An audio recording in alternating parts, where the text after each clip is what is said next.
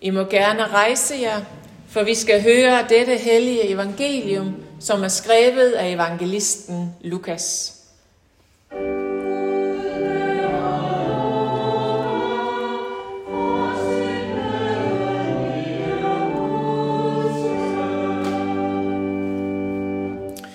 En gang, da Jesus stod ved Genesarets sø, og folkeskaren trængtes om ham for at høre Guds ord, fik han øje på to både, der lå ved søen. Fiskerne var gået fra dem og var ved at skylle garnene. Så gik han op i en af bådene, den der tilhørte Simon, og bad ham lægge lidt fra land. Så satte han sig og underviste skarne fra båden. Da han holdt op med at tale, sagde han til Simon, Læg ud på dybet og kast jeres garn ud til fangst. Men Simon svarede, Mester, vi har slidt hele natten og ingenting fået. Men på dit ord vil jeg kaste garnene ud. Det gjorde de, og fangede en stor mængde fisk, så deres garn var ved at sprænges. De gjorde tegn til deres kammerater i den anden båd, at de skulle komme dem til hjælp, og de kom og fyldte begge både, så de var lige ved at synke.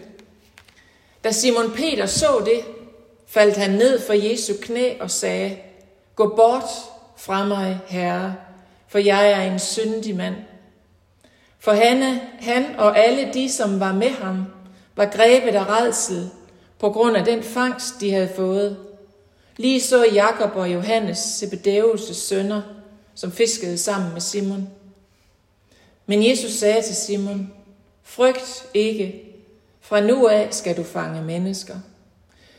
Og de lagde bådene til land og forlod alt og fulgte ham. Lad min munds ord være dig til behag. Lad mit hjertes tanker nå frem fra dit ansigt. Herre, min klippe og min genløser. Amen. Og værsgo og sidde. Så hvordan kan vi blive mere modige i vores tro? Det er det spørgsmål, som jeg kunne tænke mig at forfølge i dag. Og så tænk lige et øjeblik på din faglighed. Altså det, som du er god til, bedre end andre, fordi du er uddannet til det, eller har en eller anden erfaring bag dig. Og du kender dine rutiner, og du har gjort det dag ud og dag ind. Og så forestil dig en dag, du står der, og Jesus dukker op og han har brug for noget hjælp, og han spørger dig, og du siger selvfølgelig, og du giver ham, hvad han har behov for. Og så lidt senere i den situation, I nu er i, så vender han sig om til dig. Og så siger han til dig, at du skal gøre en af dine rutiner, en, en specifik rutine. Men det han beder dig om, det giver ikke mening, ikke lige der. Det er en rutine, men det passer ikke ind her.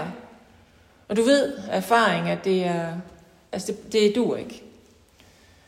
Så gør du det alligevel, selvom du hverken har lyst, eller energien er på nul. Og det taler imod al din faglige erfaring. Og jeg er sådan lidt småirriteret, men gør det alligevel. Og så sker der pludselig noget. Din rutineopgave lykkes på et niveau, som igennem hele din karriere, den aldrig har lykkedes. Det har aldrig lykkedes på den måde. Det har altid bare været en rutine. Og du kigger på det, på det du har lavet, det der er sket, og, og hvad var det, der skete?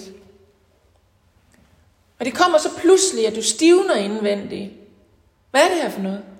Kom mærke, at du står med, og du ved det, en guddommelig kraft imellem hænderne, der har manifesteret sig. I det, du laver og plejer at lave og har styr på. Og du kæmper med at styre situationen, og begynder at svede, kommer vand på panden, og hænderne ryster. Og så vender du dig om, og fanger Jesus' blik. Og han kigger på dig, som om han vil spørge om noget. Men det, der kommer ud af hans mund, det er en befaling. Og han siger, dig og mig, vi to, fra nu af, der arbejder vi sammen. Og hvis du overhovedet kunne mærke frygten før, så er den der i hvert fald nu. For du kan ikke sige nej til ham. Og du vil egentlig heller ikke, for hvis der er nogen, der er værd at følge, så er det ham. Der er ikke andre, der... Hvis det her, og så videre. Sådan en udfordring kunne man godt give sig selv og tænke Jesus ind i sin egen faglighed. Og, det, og jeg tror, det er en vigtig udfordring at give os selv, så det ikke bare er Peter i gamle dage. For det, der sker, går direkte til kernen af selve evangeliet. Til kernen af det, der sker, når et menneske møder Gud i Jesus Kristus. Ikke for småbørn. Og før vi bliver teologiske, fordi det bliver vi nødt til at blive lidt i dag, så lad mig bare sige, hvordan jeg har reageret på den her udfordring, som i øvrigt jeg fik af en anden. Mit fag har i mange år været undervisning.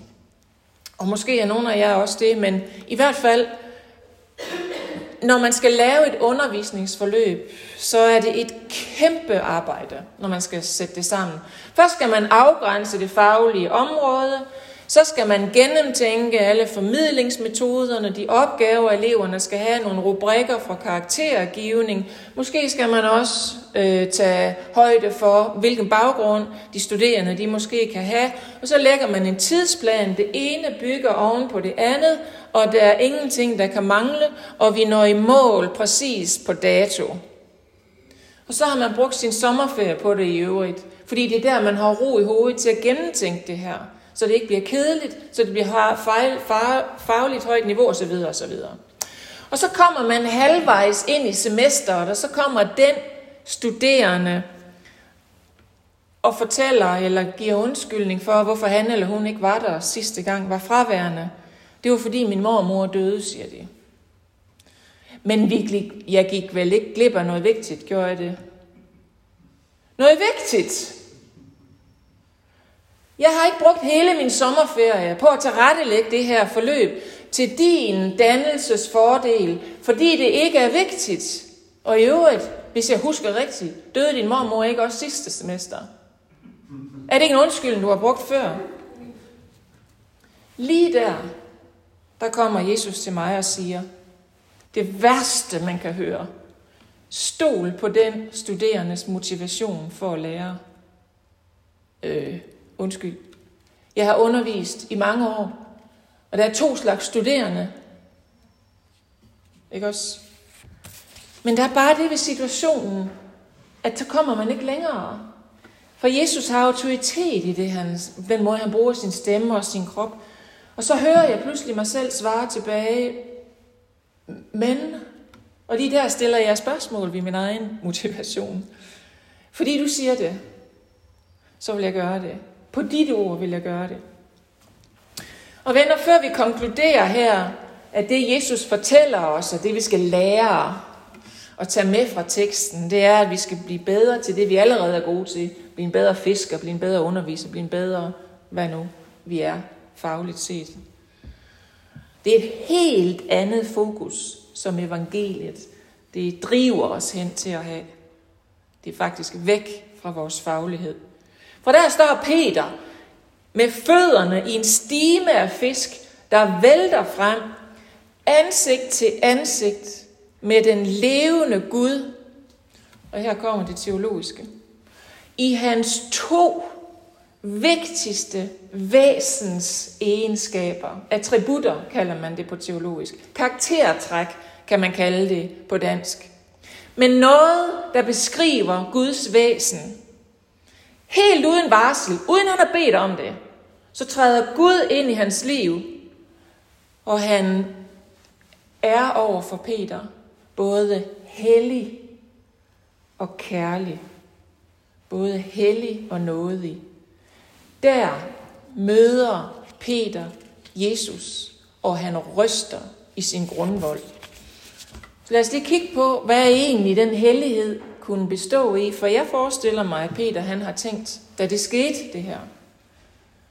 Og Jesus skal gøre sådan med fisk i vandet, hvad kan han så ikke gøre med mig? Hvad kunne han ikke en dag forlange af mig? Når Jesus får fisk til at vælte frem der, hvor der ikke er nogen fisk, så har han jo lige pillet min stolthed af mig. Han har lige knækket min stolthed som en tændstik imellem fingrene. Og det er så, hvad det er, forestiller jeg mig, Peter har tænkt, at Jesus og Gud er en, der kan gøre sådan, hvis bare han bliver i sin himmel. Men det, han har gjort her, det er, at han er kommet hen, stillet sig foran mig, brugt mit liv og min person som en scene til at manifestere sin egen magt. Jeg er færdig, han er farlig, den mand kan ødelægge mig. Gå bort fra mig, herre, for jeg er en syndig mand.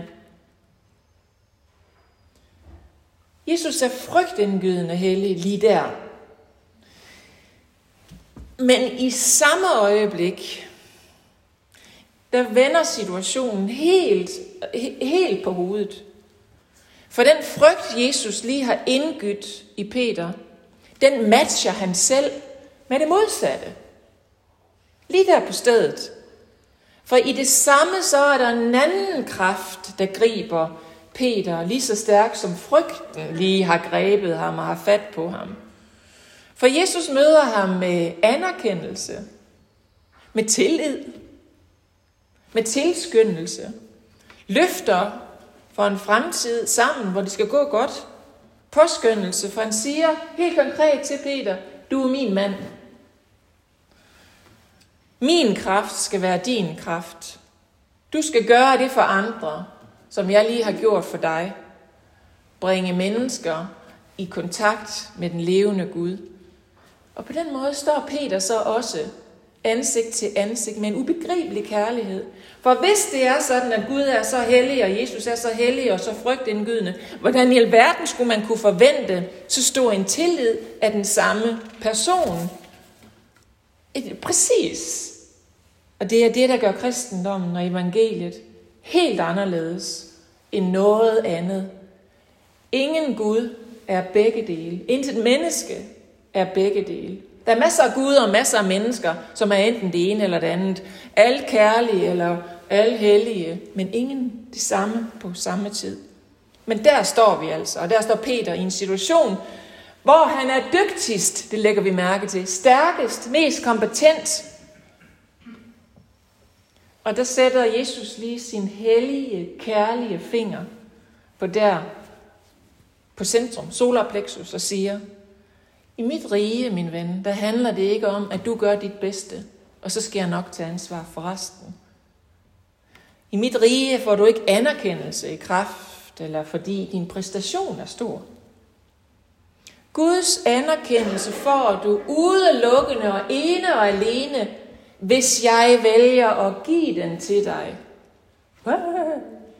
Men det har jeg valgt at gøre. Stol på det. Stol på mig. Ja, du er en færdig mand over for mig. Men jeg vil rejse, jeg rejser dig i min kraft. Når du stoler på mig, så stol på mig. Fat mod, min ven. Vid, hvem du har på din side. Så hvordan kan vi så blive mere modige øh, i vores tro? Altså, ja, vi må jo gøre noget. For det første, så kunne vi jo prøve at kigge lidt på det, der ligger lige til højre benet. Evidens ganske enkelt. For vi læser jo Lukas evangeliet i dag, fordi Jesus holdt det løfte, han gav til Peter. Menneskefisker. Derfor har Lukas noget at skrive om. Vi er en del af beviset på, at vi kan stole på ham, der stod der den dag. Gud, den kristne Gud. Vi kunne jo også, og det har vi bare ikke tid til i dag, fordi det ikke er en undervisningsstation og ikke et semester. Men vi kunne kigge lidt på andre figurer i Bibelen, som har haft et møde med Gud, et kraftfuldt møde med Gud. Og så kan vi se, at de oplever akkurat det samme som Peter Isaias for eksempel, nu kan vi lige tage ham, for det er ham, vi også har læst om i dag. På akkurat samme måde som Peter. Og lad os huske, at Isaias han ligger langt inde i det gamle testamente, hvor vi tænker om Gud som en dommer og som en, en, øh, en med loven i hånden. Men akkurat ligesom Peter, der oplever Esajas Guds hellighed, og det at han er en færdig mand det man kan forvente af det gamle testamente. Men samtidig, ligesom Jesus gjorde ved Peter, så rækker Gud sin hånd ud mod Isaias i nåde og rører hans mund og renser ham fjerner hans skyld og soner hans synd. Og det vi desværre ikke har tid til at kigge på, det er, at Gud er den samme i gamle og nye testamente, i både sin hellighed og sin nåde.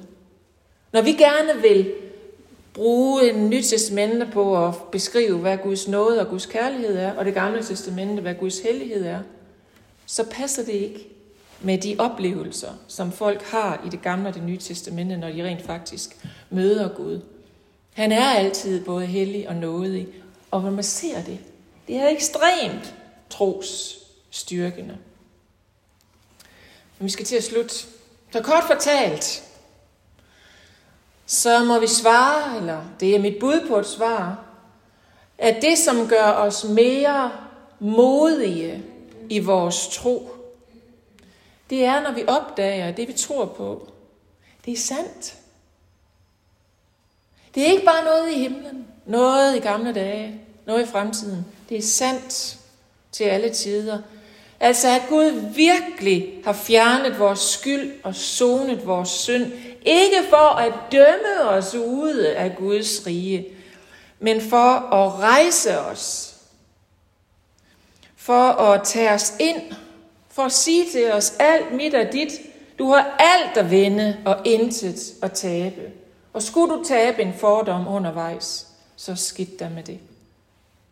Tænk, hvad det ville gøre ved os, hvis vi virkelig troede på, at den, at den magt, Gud har, og den ret, han har, fordi han har skabt verden og os i den, til at gøre det af med det hele, til at slutte det hele, til at gøre det af med os.